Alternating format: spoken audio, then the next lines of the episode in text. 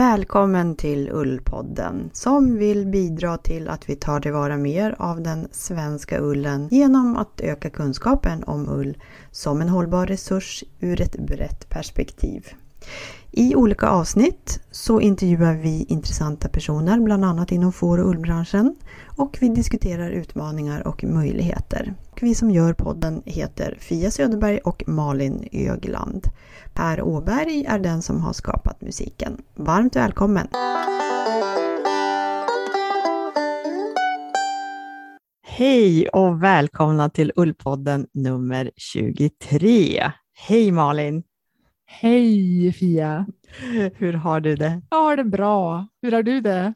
Jo, det är bara bra. Det är fin höst här och fåren och lammen går i sina hagar och idisslar och det är en liten lugn, fin period tycker jag.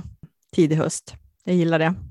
Ja, jag, jag har faktiskt inte börjat säga hösten, även om september kanske är en höstmånad. Men augusti har varit så himla fin här mm. och det har varit så varmt och det är fortfarande varmt. Mm.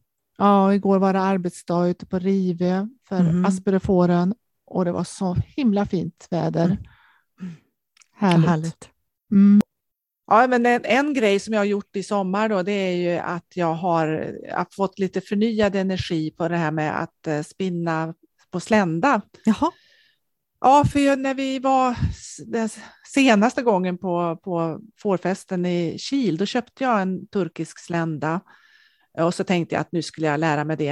Mm. Eh, och eh, ja, jag, jag, tänkte att det skulle vara kul att, att lära sig och eh, min plan var då att jag skulle eh, spinna eh, utav eh, kardflor som jag hade liggande hemma för att jag liksom tänker att jag ska inte eh, tova någonting direkt mera utan jag tänkte att jag skulle eh, spinna upp av de här kardfloren och mm -hmm. nu och sen så har jag hållit på och gjort det och vägt och nu så är jag liksom nästan framme här, alltså mängdmässigt, wow. för, att, för att det ska räcka till en, till en tröja. Så det ska bli jättekul faktiskt. Wow, imponerande! Mm, Fantastiskt kul. roligt. Ja. Det är ju lite kul att du säger det, för att eh, jag håller på just nu faktiskt med att eh, slutföra en, eh, en kurs, eh, ett samarbete med spinnare Josefin Valtin som vi kommer släppa här under hösten som heter just Spinn på slända. Ah, den skulle jag ju ha sett. Jag, det var ju Josefin som, som gav mig, liksom visade det allra första där, kommer ah. jag ihåg. Ah. Liksom sådär.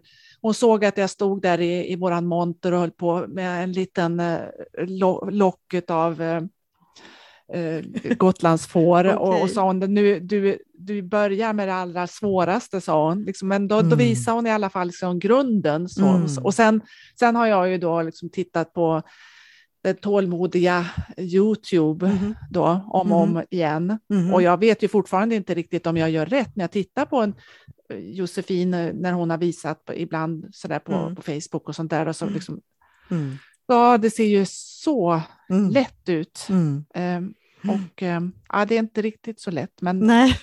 Ja, det ska bli jättekul. Ja. Vad roligt att du har gjort en sån. Jätteroligt. Ja. Och hon är en fantastisk pedagog. Ja. Och så himla lugn och trevlig att lyssna på, så nästan till och med att jag skulle kunna lära mig. Såklart. Men, ja, men, eh, och kursen, den här kursen handlar om att lära sig spinna på hängande slända.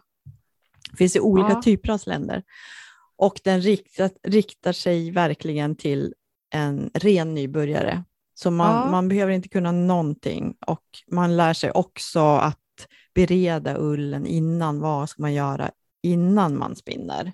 Mm. Eh, så att eh, ja, vi kommer berätta mer om när den finns eh, i verkligheten. Men det är på gång. Jätteroligt. Ja, kul. Vet du, allting tar ju mm. så, där, lång tid, vet det här när man ska till exempel ta fram mm. ett garn och sånt. Det har vi ju varit eh, på gång med länge, men nu så har eh, det här eh, tredje batchen av rivegarnet kommit mm. och vi har börjat att sälja det också. Mm. Och ehm, ja, det blir jättefint. Den här gången så heter det Rive Blended för att mm. det är hälften ull ifrån fastlandsfår så det är så korsningsull. Mm. Så att den, det har blivit väldigt mjukt. Vi har spunnit det på, på filtmakeriet den här gången. Ja. Eh, ja, det är kul faktiskt. Ja, och sen har det ju varit sommar och det innebär ju till exempel att man lyssnar på lite sommarprat och sånt där. Har du lyssnat på något sommarprat? Åh, jag har varit dålig på det. Något enstaka om med en hästkille, Karl Hedin. Ja. Men det har inte så mycket med ull att göra. Men Nej. har du, har du lyssnat mycket? Nej, jag har inte heller lyssnat på så jättemånga, men jag har ett par stycken sådär som jag, jag tycker Sverker Sörlins program var jättebra och sen så har jag lyssnat också på Elin Rös eh, program. Mm. Det är ju inte så ull, men det är ju det här med hållbarhet och Mm. eh, mat, eh, att äta hållbart matproduktion helt enkelt, Mm. klimatvänlig matproduktion. Och då pratar hon ju en del om det här med, med naturbetes eh, helt Mm. enkelt. Sådär. Så det. det, var väldigt intressant. Så det är, hon pratar inte om ull, men hon pratar om det här eh, ullrelaterade som fåret är. Ja, men det kan- precis. Ja, det kan jag rekommendera. Mm. Jo, men ullen sitter ju på fåret och fåret bidrar ju till vissa värden ja, verkligen. så, på olika Mm. sätt. Så att, Mm. mm. bra. Ja, här har det kommit igång lite med marknader också. Det tycker jag är roligt att vi kan ha fysiska marknader och träffas igen. Ja, det är det verkligen. Du har varit på flera stycken, va? Jag har varit på ett par stycken här under sensommaren, tidig höst och eh, det är ju väldigt kul att få träffa folk och prata ull igen. Mm. Eh, verkligen. Och eh, Ja, å ena sidan så har man ju pratat om det här med under coronan, att åh vad jag längtar, åh vad jag längtar och vad jag saknar och sånt. Och sen så, mm, så har man ju liksom varit lite sådär, ja men eh, har, har det gått så lång tid så, så människor har ändrat sina vanor helt och hållet eller, eller kom, det, Mm. kom det många? ja, men det tycker jag. Nu var det ju här i Uppsala då, som föreningen Ull i Uppland arrangerade en jättefin marknad som var utomhus och där folk är ute och rör sig mycket också i och tittar på andra saker. Men Mm. det var också många som kom bara för att de visste att det var eh, en ullmarknad. Då. Och det var ju ganska mycket folk, det var det absolut. Mm. Det kändes som innan coronan faktiskt. Mm. Nej, men jag ska också börja samla ull här för att skicka och göra nya garner. Det var ett tag sedan nu och på min gård då, att det börjar ta slut i hyllorna. Ska vi göra något Ullpodden-garn eller ska vi? Vi har ju pratat om det,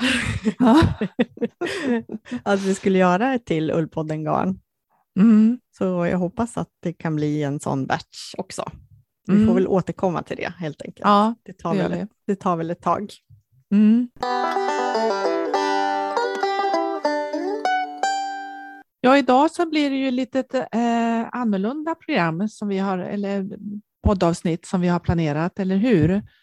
Vi brukar ju ha Mm. ett, eh, någon intervju och eh, vi brukar prata om månadens fåras till exempel, Mm. men, eh, men den här gången, visst är det ett litet kombi här? Mm. Det blir ju nästan så att hela programmet blir ett månadens fårastema. Ja. Vi har ju träffat en av de personer som har börjat föda upp merinofår i Sverige. Och det är fem gårdar i Sverige, varav hela fyra av dem finns i Västerbotten. Så det är ju också väldigt intressant. Ja, det är det verkligen. Jag, jag, alltså, jag tänker liksom me- merino, det är eh, Australien, Nya Zeeland, Sydamerika, om man tänker sig att det ska vara så varmt. Eh, Mm. och, och så, så är det då, ja, om det skulle finnas i Sverige så tänker man kanske Skåne då, men, Mm. men då är det alltså Västerbotten. Det är kul. Precis. Ja, Ja. Det är ju inte första gången vi importerar merino i Sverige. Redan Alströmer höll ju på med den typen av business. Han med Mhm. potatisen, du vet. Mm. Men då blev inte merinofåren så populära. Det här har ju varit lite olika teorier om varför och en teori är ju att de inte klarade vårt klimat. Mm. Att det var kallt, eh, kanske väldigt eh, blött och fuktigt på sina ställen. Så de, eh, de, blev ju, in- de dog ju liksom ut Ja. till förmån från, för allmogefår och, och så. Men den här gången så, så finns det ju lite andra förhoppningar. eh, för framtiden eftersom det är då en sorts merino som ska passa eh, vårt klimat på ett annat sätt. Så vi har ju träffat då Kiki Landström på Forsbacka Lamm som hon driver tillsammans med Johan Wegebro och våren 2021 så föddes de första 36 lammen eh, som, eh, som importerats som embryo till Sverige och några av dem då föddes hos Forsbacka Lamm. Så ska vi ta och lyssna på vad hon har att berätta? Ja, det gör vi tycker jag. Då kommer hon här.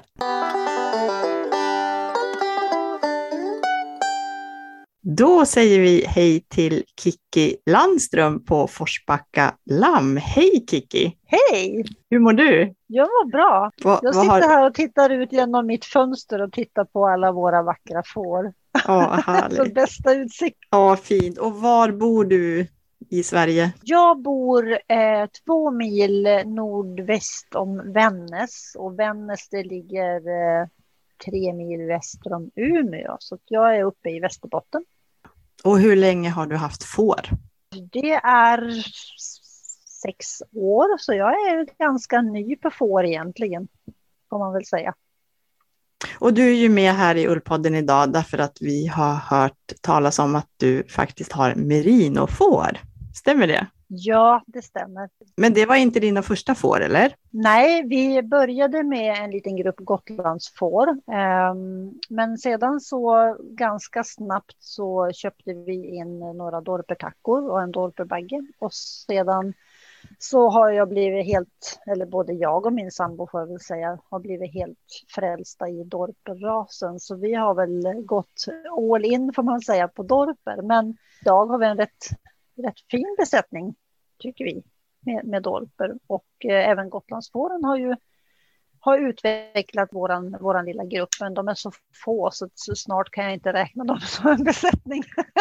Okay. De, de, eh, vi har eh, idag har vi 14 tackor Gotlands. Vi känner nu att vi måste börja välja. Nu har vi tre raser och, och det, det, är lite jobbigt att ha så många raser. Mm. Hur många dorper har ni då? Eh, vi har 45 tackor eh, och sen har vi, just nu har vi sju baggar och eh, sen har vi massa lamm. Oj.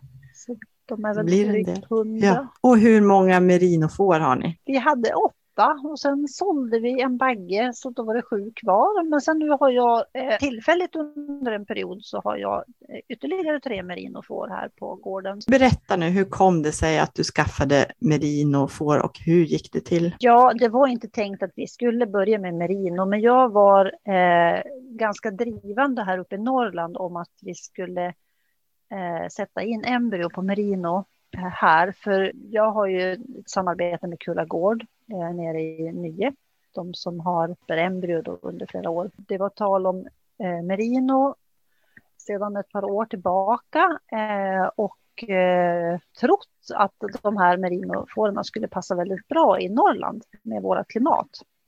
Ju mer vi har så här studerat eh, den här typen av merino som, som det har varit aktuellt med då. Så, så jag tog kontakt med några möjliga intressenter och, och kollade läget lite grann sådär. Och eh, under resans gång så blev vi lite eh, intresserade själva. Tänkte vi kanske ska vara med på det här tåget.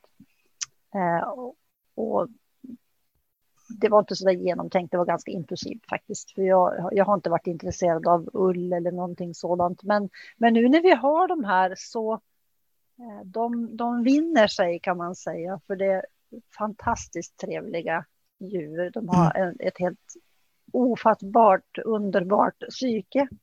Berätta, hur, hur är de? Alltså de är, de är lugna, de är eh, nyfikna, de är trygga, eh, väldigt vänliga. Um, alltså nej, men de, de är som, jag skulle säga, de är som ett, ett Gotlandsfår fast i en, eh, en texel. För Gotlandsfåren de är ju både livliga och sociala och nyfikna. Mm. sällskapliga. Och, och varför jag valde en texel, det är väl för att de, de springer inte så gärna iväg. ja, de rymmer inte direkt, nej. Nej, nej men de är, de är väldigt trevliga och som sagt, eh, jag, jag, man går fram till dem och de kommer och ställer sig ut med en och så ska vi eh, gosa en stund eh, så här och sen så kan jag bara släppa ut dem och vi kan gå ut och gå och ta en promenad och de hakar på mig allihopa. Så det, det, det, de är som hundar fast de är ju jättestora. Oj! Hur gamla är de nu, dina? De föddes i slutet på mars förra året och de blir då 16 månader nu. Det. Och du pratade om det här med embryo. Jag, det kanske är många som inte riktigt vet vad betyder det. Hur går det till när man importerar på det sättet? Kan du ja, berätta? det är ju en jätte, jättelång process egentligen. Eh, för man börjar ju först i, i, vi har ju valt då Australien som, som land att hämta de här embryona ifrån och där ska ju först väljas ut Eh, fäder och, och, mödrar som är lämpliga av högsta kvalitet. Och sen ska de stå i karantän och det ska tas en massa prover på dem. Och sen ska de här tackorna flushas och det ska spolas ut ägg och ja, hela, hela den biten. Och, och sedan ska det sökas tillstånd eh, och de här embryona sen som de har tagit ut, de ska tvättas flera gånger och kontrolleras.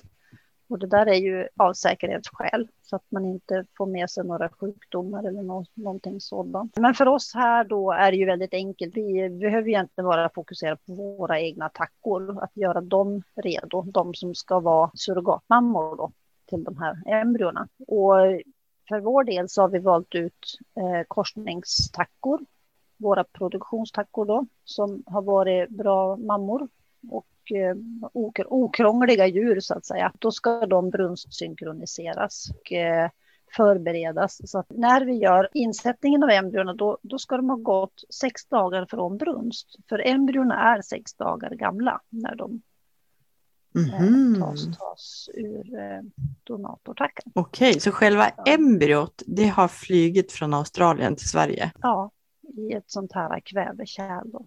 Ja. Så det, Ungefär som när man använder fryst kemin. Ja, just det. Och sen tinas de här upp. Eh, när tackan då är förberedd då med synkronisering så eh, får hon en eh, injektion med lite grann lugnande. Och det, det, är inte så att hon sövs eller någonting utan det är mer bara så att hon ska hållas lite lugn. Man lägger henne i som en vagga kan man säga. Och klipper två drag med klippmaskinen på magen så att man får bort lite hår. Det är bara en kvadratdecimeter ungefär. Och man snittar ett pyttelitet litet snitt som är så litet så att man, man jag, jag, ser det knappt själv. Och sen den här rutinerade veterinären då, han har embryot och sen har han som en liten ser ut nästan som en liten virknål där han fiskar fram äggledaren och så sätter han i embryot. Och sen syr de ett stygn och sen är tackan klar. Och det hela tar cirka 30 sekunder och sen mm. springer hon iväg och äter. Ganska odramatiskt. Då. Det är väldigt odramatiskt och eh, nu när man har varit med om det här och sett hur det går till och hur smidigt det är och hur lugnt det är för djuren så en klippning eller en klövverkning, det måste te sig oerhört stressande för ett får mm. om man jämför. Mm. Det är ju inte stressande sådana saker heller då givetvis mm. om man gör det på ett bra sätt. Men, mm. men eh, jättesnabbt går det och väldigt fint handhavande av djuren. Mm. Så... Det här görs hemma på din gård? Det här gjordes mm. hemma på vår gård eh, och eh, var det ett eller två ägg i varje tacka som sattes in? Det var lite olika. Vi hade mm. ett i de flesta, men sen var det några som fick två. Då. Mm. Och vad blev utdelningen sen då? I vår besättning så hade vi beställt 12 embryon och vi fick åtta lamm. Mm. Eh, men sen hade jag lite otur. Vi fick besök av en jakthund som sprang in i vårt stall när vi var borta och jobbade eh, fem veckor efter embryona var insatta. Mm. Och de säger att det är jätte, jätteviktigt de första fem, sex veckorna efter att tackorna har lugn och ro. Mm.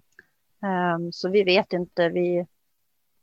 Om det beror på det då kanske? Vi, mm. Ja, mm. så. Men vi, mm. vi, tycker att det var ett jättebra resultat i alla fall. Mm. Och hur blev fördelningen då, bagglam, tacklam? Eh, ja, för oss så blev det ju lite tokigt för vi fick ett tacklam och sju backlam. Så det var ju inte, det var ju inte så bra. Nej, men kunde ni säl men, sälja dem då, bagglammen, till andra besättningar? Eller hur gör man? Vi har sålt en bagge. Okay. Eh, och det var ju, det var ju ett, ett, en bra bagge för den köparen, för den baggen vann OL-SM. Ja, vad kul. med, sin, med sin ull. Ja, eh, så det var roligt. Mm. Eh, sen de andra besättningarna som har satt in embryon, eh, där har det varit 50-50 ungefär, fördelningen mellan tackor och baggar. Så det var väl vi som råkade få fel då. Men vi har fått jättefina, jättefina baggar och, eh, av, av två olika linjer. Eh, bra ull, bra kroppar. Och då sparar ni bagglamm till, till liv också själva? Ja. Eller? Mm. Ja, vi har sparat de här för vi tänker att ullen är så värdefull. Eh, så att även om de har varit dyra att producera och de går bara här och äter mat i princip. Så eh, för varje klippning som vi gör så har vi nästan tjänat in embryokostnaden. Eller på, Mm. ett, på ett år så har vi sett att då har vi tjänat in embryokostnaden bara på ullen. Otroligt. Ja, så vi, och vi räknar ju med att förhoppningsvis ska de ju leva ett antal år också. Så, Ja. så eh, Ni märker att det är stor efterfrågan på ullen från de här fåren? Ja, det har varit det. De som har testat ullen som har erfarenhet av att spinna ull, eh, de säger att den är helt, alltså den är magisk. Jag är ingen ullkännare själv, jag är bättre på päls. Så jag, jag vet inte riktigt, jag har inte så mycket att jämföra med, men eh, väldigt, väldigt positiva ordalag har det varit. Mm. Men sen är det inte alla som kan hantera den här typen av ull. Så att är man nybörjare kanske inte det är rätt ull att börja med. För den är ju väldigt känslig. Ja. finfibrig och. Ja. Har ni gjort eh, sån här ofta analys på ullen för att se hur finfibrig den är? ja, det har vi Mm. gjort. Vad får ni för värden då? Eh, på våran besättning så har det legat mellan 16, jag tror den lägsta hade 16,8 och sen hade vi upp till eh, 20,8 men sen hade vi en, en bagge där som var lite högre som låg på 22,8 men hans, hans ull såg annorlunda ut också. Eh, så att den var lite grövre. Men eh, jag skulle säga att det är ett snitt någonstans mellan 18 och 19 Mm, mikron. just det. Och den här komfortfaktorn den ligger runt 99,9. Nästan 100 då. Ja. Sen har vi sett i, i eh, min, min kompis besättning, hon som har de här sina djur här nu, hon, hon fick ett sånt extremt lågt värde på en med 13,6 mikron. Mhm. Och hur, hur var kroppen på det lammet då? För ofta pratar man ju om att ju finfibrigare ull, ju tunnare kropp. Ja, precis. Han var ju en tvilling den här baggen och hans bror låg på 17 mikron. Eh, Jag skulle säga att de ser ganska lika ut. Det är egentligen ullkaraktären som skiljer. Mhm. Okej. Jag hade ju den ena baggen på riksbedömning förra året. Och det Aha. var ju egentligen bara en, som en kul grej för att Mm. visa upp dem. Mm. Eh, och då var Birgit Fag och Maria Eriksson som bedömer päls då. Eh, de var domare och eh, de här fick ju en finullsbedömning så att det är ju inte någon särskild merinobedömning. Eh, men jag pratade med Birgit efteråt och hon, hon slogs av att de var så otroligt jämna. Eh, Alltså var du än tittade på kroppen så var Mhm. ullen likadan. Okej. Mm. Men eh, hon blev även förvånad över att den, den var så lite krusig. Mhm. Så hon trodde att ullen skulle vara ganska grov. Det var så hennes uppskattning så skulle den här baggen kanske ligga på 24 mikron eller något sånt där. Eh, Så jag skickade ullanalysen till henne sen och sen har vi pratat ganska mycket med merino-uppfödare i Australien och även merino-domare då. Mm. Och de säger att eh, kruset säger inte så mycket på merino egentligen. Nej. Så den, den ska man inte titta på. Och det, eh, det är lite kul här när man går ut och kikar på dem. Eh, Mm. En del är ju nästan finullskaraktär. Mm. Men ändå så ligger de på 18 mikron. Mm. Ja, vad Medan andra har den här typiska eh, merino, du vet den här den ganska platt stapel som är väldigt, väldigt veckad. Mm. Som ser nästan randig ut. Ja, vad intressant. För det där har man ju hört olika, Ja. eller man har ju trott att när det är väldigt många krus, att åh, den är så finfibrig. Men sen så var det någon annan ja, som för sa... så räknar man ju. Ja, man räknar ju krusen per Mm, tre mm. centimeter, per centimeter, per tre centimeter kanske. Per... Ja, per tre centimeter. Ja. Men sen var det någon som, jag tror det var Lena Persson som sa från, som jobbar på Ullforum för, ja, tidigare. Ja, det är hon att- som gör rullanalyserna idag. Ja, men precis, ofta. Och hon, hon sa det Ja. att nej, men krusigheten, den har ingenting med finfibrigheten att göra. Det är liksom olika, Nej. olika saker.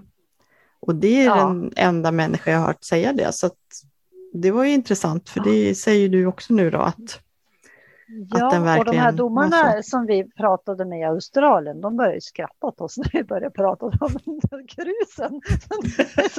ni, ni är ju föråldrade i Sverige, det där är borta sedan gammalt. det är så här, vikingarna och krus. Ja, ja precis. Grusa. Så, så nej, men vi har nog mycket att lära. Och sen, Mm. som sagt, vi kanske inte kan bedöma de här på samma sätt som man bedömer Nej. finull. Nej, men precis. Det kanske vi- kommer vi- egna protokoll Ja, så småningom. Vi, vi, har ju, vi har ju pratat om att eh, skapa en mönstring för merino Mm. eh, i framtiden. Mm. Eh, vi har börjat titta på det faktiskt redan nu Mm. eh, och kanske även då involvera Jämtlandsfåren i det, för det är ju Precis. samma ulltyp.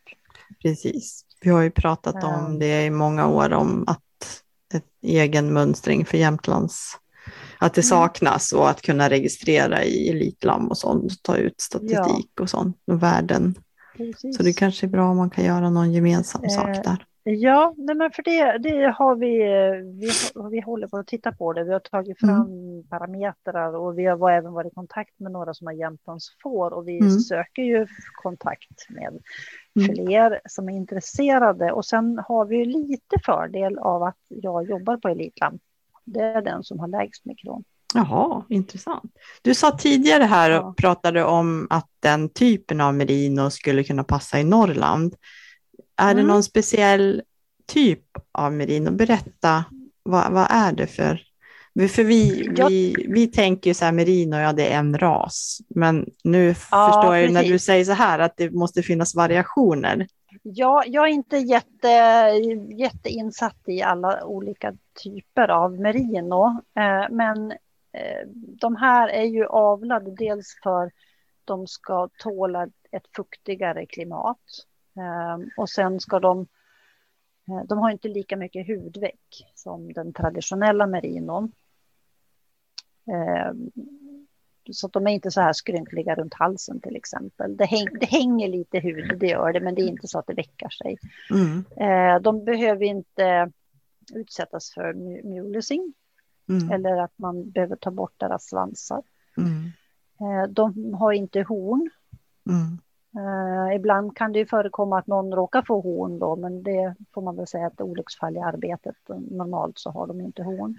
mm, Eh, och det är också en sån här sak som, som eh, är, är bra då, för där eh, är det mycket fukt och, och en bagge som har horn så är det ju väldigt gynnsamt för flugorna att, att lägga sina ägg där. just Eh, sedan så har det väl någonting att göra med Ja, om det har med motståndskraft eller jag, jag vet inte riktigt vad det beror på, men att de ska vara mera anpassningsbara för olika klimat. Och den här typen av merino har de eh, exporterat bland annat till Färöarna sedan 20 år tillbaka. Mm, Och eh, Färöarna är ju ett tufft klimat mm, också och där har de här fungerat jättebra. mhm. Vad heter typen? Har den ett namn? Eh, ja, alltså det, vi säger ju bara polmerino. Polmerino. Och om Mm. Heter no, alltså det är ju för den är hornlös. Men, men jag vet Ah. inte om det är någon särskild typ. Ja, Man, man just det. pratar ju eh, Pepin merino, Saxon merino, eh, som alltså olika urstyper då. Mm. Till vardags i Australien så pratar man mer om ulltypen, om det är Mm. fine wool, medium wool Just det. eh, och så vidare.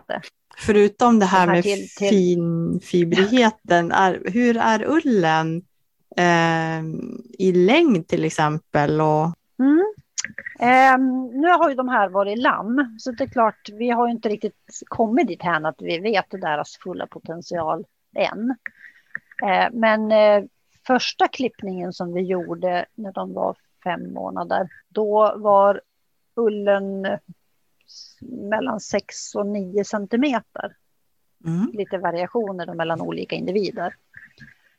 Eh, och nu, eh, andra klippningen, den gjorde vi eh, hos mig så klippte vi dem väldigt tidigt, så det var efter ytterligare fem månader, så vi klippte dem i februari. Och det var egentligen mer för att de skulle ha hunnit få växa ut lite grann och sen gå ut på betet så att de inte ska vara utsatta för smuts och så från stallmiljön. Eh, men de, redan nu så är de uppe i nästan ja, åtta, nästan mm. mot en decimeter, de som har den längsta Oj. ullen. Jaha. Ja, det är ju fantastiskt. Det blir intressant att se när vi ska klippa dem i höst. Men, men det som ja. var det mest anmärkningsvärda, och det här är någonting som har slagit oss allihop, det är att eh, efter en, en säsong på stall så är ullen mycket, mycket, mycket finare än den första lammullen de hade efter de hade gått ute. Nej. alltså det, ja, det, det, är helt otroligt och vi har tagit bilder alla. Alla uppfödare har tagit kort och jämfört och vi har lagt så här ullstaplar mot varandra. Och det, det, det är slående, alltså den är så den är så ren, den är så glansig, den är... Eh, ja, den, den har ett helt annan karaktär. Jaha, intressant. Men jag tänker det brukar vara små partiklar som letas in i ullen när de är på halmbäddar och Nej, allt möjligt. utan den här den är ju väldigt fet, ullen, mm. och, och tät. Och, eh, eh, och vi ser ju det att det här fettet är väldigt bra. De blir ju fula i topparna, de blir ju som grå, tråkigt grå i topparna, men när man viker ut ullen så är det alldeles glänsande vitt och helt rent. Mm-hmm. Vi har, eh, vi, har, ja, vi har till och med haft dem på spånbädd. Oj! Och det låter riktigt, ja. riktigt galet. ja, men, men det, har, det, har, det har gått jättebra att ha dem på spånbädd. Ja, ja, men då är ju all ull säljbar då, både höstullen och ja. vinterullen. Det blir aldrig någon ja. skräpull liksom på dem där som, som det har sett ut för oss och eh, det mm. enda vi ser som inte har varit bra det är ju om de råkar få hö på sig för höet vill gärna fastna. Mm. Eh, men man ska ju inte kasta hö på dem. Nej, man får akta sig. Men, men jag, vet, jag ja. vet ju att det finns eh, fårägare som, som tömmer foderbordet och så kastar de ut det spillet i ströbädden. Mm. Eh, vi brukar inte göra så av hygieniska skäl. Men jag vet att det finns de som gör det och vill man prova på att ha merino då ska man nog undvika att göra så. Då ska man nog tänka sig för en gång. Mm. Men, eh, men halm är jättebra för den fastnar ju inte. Mm. Mm. Men då kanske ensilage är bättre också, eller hösilage som är lite ja, fuktigare. Ja, absolut. Mm. Ja. Jaha, men har ni säljare på kö nu då? Är det liksom stor, stort tryck på den här ullen eller måste ni jobba, jobba för att få eh, avsättning för den? Ja, vi, vi, har ju, vi har ju jobbat lite grann för den, det har vi gjort. Eh, men nu har vi kommit i det här läget att, att eh, de svenska spinnerierna har lite svårt att ta hand om den här ullen. Så det är ju mest handspinnare som vi har sålt till. Mm. Och eh, handspinner man så har jag förstått att det går inte så snabbt. Och flera kilo ull är kanske inget som man spinner av på en kväll. Nej. så så, så det, det, är klart att det, det, blir ju hellre att man säljer kanske något halvt kilo eller några hekto här och där. Mm. Eh, och då hade vi velat skicka iväg till spinneri eh, som kunde ta emot större kvantiteter. Och då har det visat sig här i Sverige så har det varit jättesvårt för de klarar av att spinna ullen, men de klarar inte av att karda ullen. Nej. Um, så att där har vi vårt nästa steg. Det är var, var ska vi skicka den? Och ska vi skicka iväg ullen till Italien eller någonstans? Men då bör vi ha ganska stora kvantiteter. Just det. Um, men vi, vi vill ju helst att det ska vara 100 procent svenskt. Mm. har, har, ni, att... har ni testat eh, ett sånt här mini-millspinneri? Eh, ja, det Ja. är en uppfödare som har testat. Eh, jag har även sålt en fäll dit. Hur, hur Eh, blev det, det eh, garnet? Blev... Det blev jättefint garn. Mm. Fantastiskt fint garn. Men, eh, men då är det just svårigheten då på ett spinneri som har eh, inte tar emot nya kunder. Det är sex månaders kötid även för en befintlig kund. Mm. Eh, så det är lite svårt. Mm. Då ska man som var, var kund där sedan innan. Mm. Men garnet som jag har sett det har varit fantastiskt vackert. Mm. Är det det här att det, det är ett eh, att det behövs ett kamgarnspinneri? Det ska inte kardas, det ska kammas liksom. Ja, precis. Jag tror det. För de, de, har, de som har provat de säger att de har kardat sönder ullen Mm. i princip. För att den är så fin, fibrig och, och känslig då. Ja. Liksom. Mm. Sa- Samtidigt så, som sagt, nu är inte jag ull, ullexpert på något sätt, men jag tänker att ullen från Jämtlands får som har jämförbar Mm. alltså mikron Mm. borde reagera likadant. Det kan jag intyga mm, i min erfarenhet, för jag har ju Jämtlandsfår och där tycker jag att minispinneriet då, som är ett semikamgarn, brukar man ju säga, att Ja. det är stor skillnad Ja, eh, på det. Eh, för det är också en väldigt, väldigt fin fibrig ull. ja precis. Så, så nej, för det som vi har hört det är att det går eh, eh, när de ska karda ull från Jämtlands får så kan man sätta in en viss mängd ull i maskinen. Eh, men när de har gjort med, eller med merino så då har de kunnat sätta in bara en tredjedel av den mängden för att det här ska vara hanterbart. Och då tar det en viss tid. Och jag, som sagt, jag, det här är bara vad jag har hört när jag har pratat med Mm. sådana här spin, spinnerifolk. Mm. Eh, Jag vet knappt hur maskinerna ser ut själv. Mm. Så det, eh, men men, eh, nej, men det, det är som det. Så den är ännu känsligare liksom än Jämtlandsullen. Att, och då Ja, blir det ganska små det kvantiteter också då. Ja, och det tar lång tid att Mm. processa den och det är klart då blir det ju väldigt kostsamt. Men vi, men vi jobbar på det och eh, så länge som inte vi har kommit på riktigt vad vi ska göra så då får vi sälja till handspinnare Mm. eller de som vill prova Mm, eh, nunotovning och sådana saker har vi just det. kommit i kontakt med. Men är det så att det är många i Norrland som har satsat på merinofår? Är ni flera? Ja, vi är det är fyra gårdar här uppe som har merino. Mm, Det är ju, det är ju bara fem i Sverige, så jag får säga att det är ett stort intresse i norr då. Och det, det. finns eh, 34 stycken eh, embryon som kom då till då förra året. mm, Alla är levande, friska, välmående. Um, varit väldigt sunda djur så här långt, väldigt Mm. problemfria. mm, Eh, sen har det ju kommit lite lamm från de här också. mm. De är födda nu i vår. Eh, jag har inte riktigt koll på hur många, hur många lamm det är, Mm. men eh, det är nog i alla fall ett tiotal, tänker Mm. jag. Det är det. Men sen har det även kommit eh, korsningslamm, det Mm, har det gjort. Mm, Med både korsningar med eh, Jämtlandsfår mm. och vi, Ja. vi tror ju absolut att det är väldigt bra för Jämtlandsfåret att Verkligen, använda. precis. Så. För där behövs det ju verkligen nya linjer. Precis. Men eh, vad spännande. Hur, hur ser du på framtiden här nu då för merinofåren i Sverige? Är det något du tror kommer växa? Ja, det tror vi stenhårt på faktiskt. Ehm, vi skulle ju ha satt in embryon förra året, men då var det ju på grund av pandemin så var det inte görbart. Eh, men det är beställt. Eh, vi kommer få in embryon från två, eventuellt tre nya linjer i år, i höst. Ehm, och eh, det är ett tilltagande intresse och i princip alla som har satt in embryon hittills, de kommer fortsätta. Och Eh, det har även kommit nya intressenter som har beställt embryon eh, i södra, södra Sverige på olika ställen.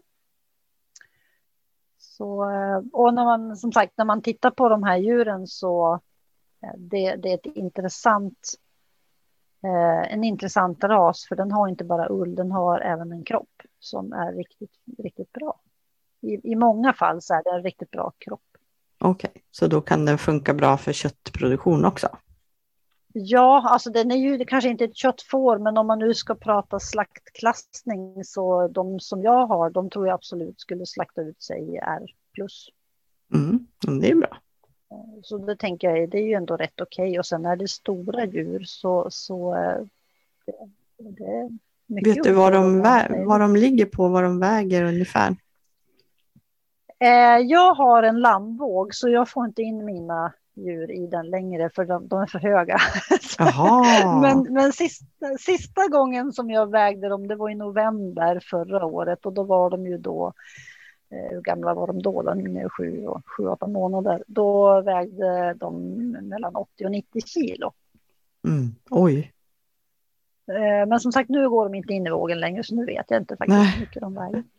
Ja, Men de är, de är de är stora och jag har ju mina baggar tillsammans i en flock. Mm. Och det, det går en, en Gotlandsbagge och det går dorperbaggar i olika åldrar och eh, merinofåren de är eh, bra mycket större kan jag säga. de kanske inte är tyngre men de är, de är högre. Är det dyrt med embryo? Vad kostar det och vad skulle du säga fördelen är använda det här sättet att importera djur till Sverige? Den största fördelen det är ju att få in eh, ny genetik på ett smittsäkert sätt. Eh, vi riskerar ju inte att ta in smitta varken i landet eller i din egen besättning med embryon för du kan inte ta in en sjukdom via ett embryo. Eh, och de, är så noga kontrollerade så, så det, det, ska inte ens finnas möjlighet. Det är om djuret har något genetiskt. Alltså det skulle vara något genetiskt fel på det, men mm. det, det, känns långsökt. Mm. Och avsl eh, avslutningsvis då, om det är någon som lyssnar på det här och tänker åh, jag vill ha ett merino-embryo, vad kostar det? Ja, eh, själva embryot med Eh, Eh, med eh, insättning då, alltså den här veterinären och teamet som kommer och sätter in det. Eh, det kostar 6 500 kronor plus moms. Och då är ju inte det någon garanti att man får tackan dräktig. Så det finns tyvärr inga sådana garantier. Men har man ändå en, en skaplig dräktighetsprocent och så, så tänker jag att med eh, ull, ullpriserna som de är, eh, värdet på de här fåren, så eh, de, pengarna har man tillbaka mm. ganska snabbt. Eh, får jag bara fråga ungefär vad, hur mycket får du för ullen? Eh, vi har sålt eh, för ungefär 1000 kronor kilot. Och sedan eh, sålde vi ju våra fällor från ull-SM. Mm. Vi hade med två fällor där också som de kom två och tre. De fällorna såldes sedan och det minns, jag minns inte riktigt vad de gick för, men jag tror att de mm. låg på runt 1200 kronor kilot. Okej, okay. ja vad intressant att höra. Mm. Ja. Så, eh, och sen som sagt, om du säljer stora mängder så då, då, då är vi lite billigare och säljer man små mängder så blir det ju en mer hantering då med den. Så, eh, men vi har fått ut ungefär tre kilo sorterad ull från, från lammen här nu efter andra klippningen. Men nu i höst, om det fortsätter som det har gjort hittills i sommar, så tror jag att vi kommer att få ut betydande större mängder. Men det är ganska mycket ändå. Ganska ja, stor mängd vi, per djur. Ja, vi tror ju att när de är fullt utväxta och producerar ull så någonstans mellan 9-10 kilo per år. Mm. Det är många företag som vill använda svensk ull och det finns ju stor efterfrågan på finfibrig ull. Märker ni av någonting att, att eh, vilka eh, alltså företag inom modebransch varit... och så hör av sig till er och vill? Ja, det har varit, ja inte så att företagen kanske direkt har hört av sig till oss eh, så, men eh, det har varit några stycken som har, har varit i kontakt. Eh, Woolpower till exempel. De har gjort gårdsbesök. Eh, sen är det några andra klädestillverkare som kanske inte är modeföretag utan mer funktionskläder. Mm. Som Mm. eh, också hört av sig och varit nyfikna. Men, men problemet är ju att göra ett tyg av Mm. här, den här ullen. Det är väl egentligen det som, Mm. som de flesta kör fast på. Mm. För vi, vi tror, som det verkar, så skulle de kunna köpa upp ull och gärna betala lite för ullen. Vi kanske inte får tusen kronor kilo om vi säljer Mm. sådana volymer då, men, men eh, de måste ju kunna processa ullen. Ju Ja, precis. Ja, vi får hoppas att det, de- Ja, vi får vi hoppas att det kommer en ska- lösning i framtiden. Då. Det kanske blir något, någon satsning i Norrland rent av. Det kan det bli. Det, Mm. har, det har pratats i de banorna lite. Allra bästa då med merinon, vad tycker du att det är?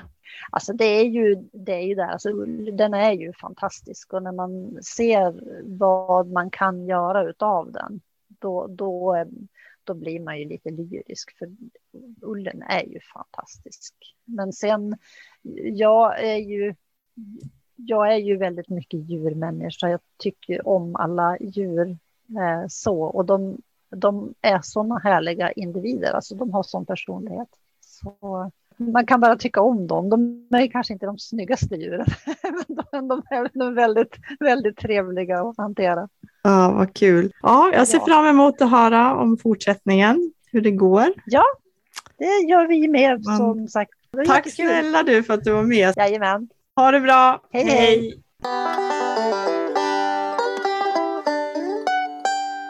Ja, det här var ju verkligen jätteintressant att få höra. Det är så många frågor som väcks, eh, tycker jag. Eh, Och, och det här med embryo, att, man, att, man, att det funkar och att det Även om man pratar om att det är en Mm. lång process och sånt så verkar det ju ändå relativt eh, liksom, okomplicerat eller vad man ska kalla det för. Ja, verkligen. Och de positiva sidorna också av det sättet att importera. Eh, Att det liksom är smitt, inga smittor och, och sådär. Eh, Och att det var mycket mer liksom odramatiskt kanske än man tror. Ja, verkligen. Så det är ju väldigt roligt att få höra också om, om ullen Mm. eh, och de verkligen. utmaningar som hon hittills har upplevt också med att förädla den ullen. Ja, det är ju återigen det här med att eh, ja, det, det finns inte något spinneri som är, kan ta, Mm. ta, ta hand om den här finfibriga ullen. Mm. Nej, men precis. Det är ju liksom, och nu är det väl inget problem då för att det är väl ändå inte så stora mängder men, men det är klart att om det här sprider sig så, så är ju det här jätteintressant. Mm. Men du visst, Mm. visst är det väl så att det är eh, ett um, kamgarnsspinneri coming in i Sverige? Yes. Det är ju ett stort projekt på Gotland som har startat ganska nyligen som kallas för Guti som ska stärka den gotländska ull och textilindustrin och där ingår då ett, en satsning på ett kamgarnsspinneri. Jag vet inte hur långt man kommit, men jag hoppas att vi kanske kan ta reda på mer om vad som händer där Mm. eh, framåt, längre fram i år. Mm. Det lät ju lite grann som att eh, eh, hon hade något på gång där också i Västerbotten, eller hur? Eller hur tolkar du Ja, det? jo. Och de har ju varit väldigt aktiva, eh, Västerbotten och Norrbotten. De hade ju ett projekt för en tid sedan som hette Ull ihop, som vi Mm. också har nämnt i podden och då som, som ville uppmuntra företagare att satsa mera på affärsutveckling kring ull. Så att jag tror att det händer säkert mycket i de delarna av- Sverige också. Och då kanske det här merino-spåret kanske skyndar på lite processer som, som redan är igång. Vi får undersöka saken och följa utvecklingen helt enkelt. Hon, hon pratade ju i början om det här med eh, att det är ett klimat som passar merinon. Och då, vad är det för, för klimat som passar merinon egentligen? Liksom, skulle, det, skulle man kunna ha eh, merino här på skärgårdsöarna till exempel? Eller? Mm. Ja, det, det där ska man, det, det tycker jag skulle vara intressant verkligen att veta för att eh, det finns ju ett behov av också att blanda upp då den här eh, som vi har sett då till exempel då att blanda upp ullen, den Mm. Gotlandsullen med en finfibrigare ull. Mm. Men jag tänker så här att den, den ullen är ju nästan bara underull, alltså att den suger åt sig väldigt mycket fukt. För det tycker Mm. jag jag ser på Jämtlandsfåren, att när det är väldigt fuktigt eller har regnat eller så, så blir ju den ullen väldigt blöt och, och den tar liksom mycket längre tid att torka än de andra raserna som Gotlandsfår och som tidigare hade vi Roslagsfår. När det hade regnat på dem, då, då transporterade liksom täckhåren bort eh, fukten på ett ja. annat sätt och de blev inte blöta ända in på underullen. Så det tänker jag med merinofåren, så undrar jag hur mycket tål de i liksom vätan? Nu berättade hon, det var ju också väldigt intressant, hur fin vinterullen kunde vara. Att ja. den, inte, den, den är fet den här ullen och att det, det skräpet tar sig liksom inte in mellan fibrerna, så det är bara själva yttersta ytan som blir eh, trist i färgen kanske så, men sen när man öppnar upp så är liksom fibrerna ända in på huden håller sig så rena och fina. Det var ju otroligt. Så mm. det jag mm. undrar om det liksom ändå håller bort fukt i och med att den är så fet. Ja, jag. precis. Ja, för att hon säger ju där i början om att, att det, det här fuktiga klimatet passar. Mm. Och då måste det ju vara så ja. att de kan hålla bort fukten på något sätt, så att ja, det ja. torkar upp och sådär. Så. ja.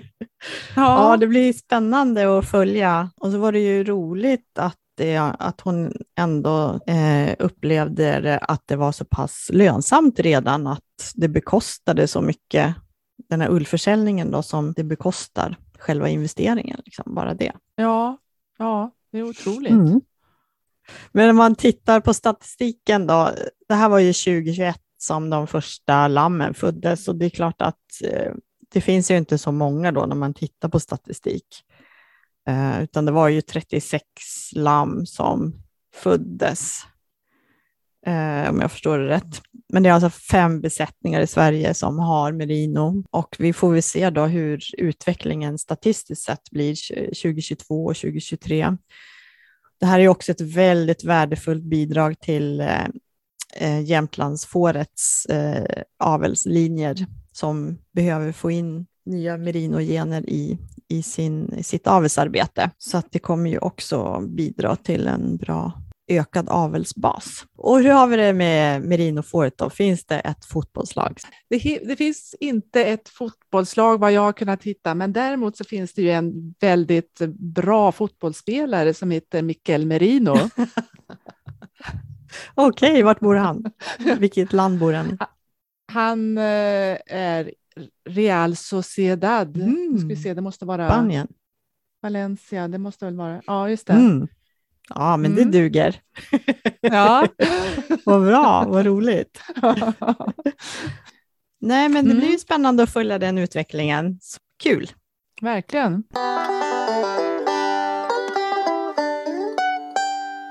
Sen har vi ja. lite ullnyheter också. I, alltså ull, svenska ja. ullnyheter kommer här.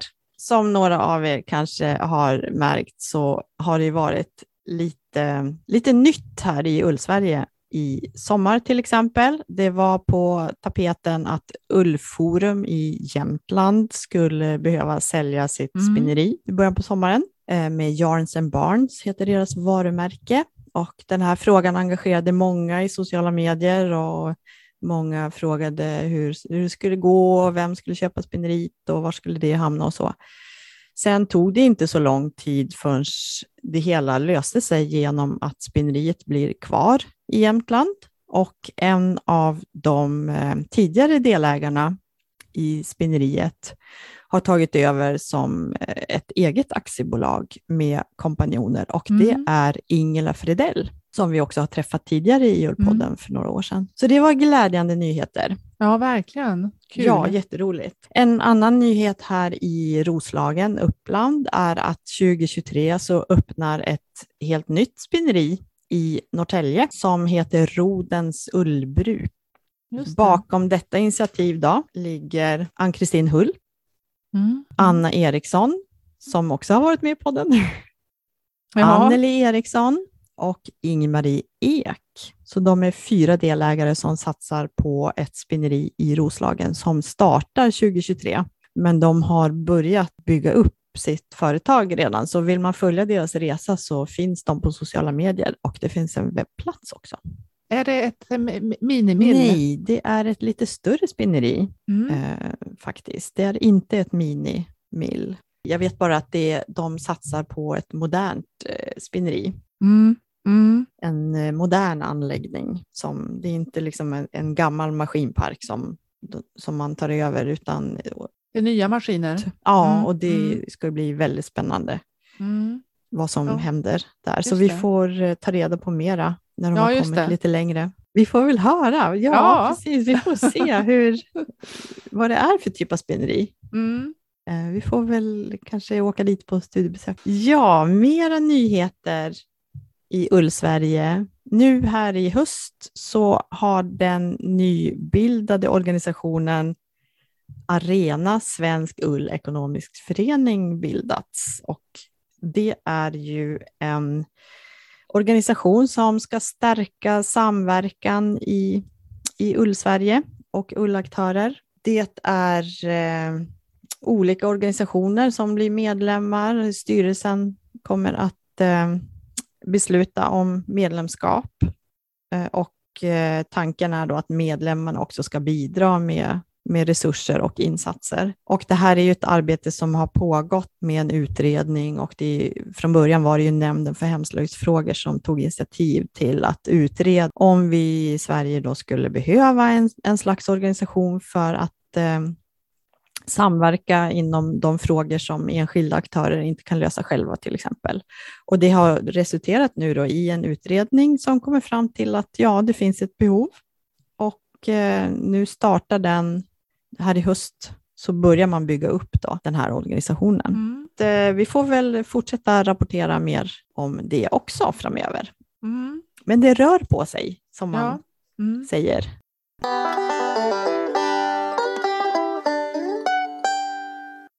Nej, men det var väl det vi hade tänkt prata om för den här gången. ja, det var det. Då tackar vi alla för att ni har lyssnat och eh, följ oss gärna på Facebook-sidan Ullpodden. Ja, och nu är det ju ullskördstider också och ni som inte har klippt sina, era får så lycka till med det.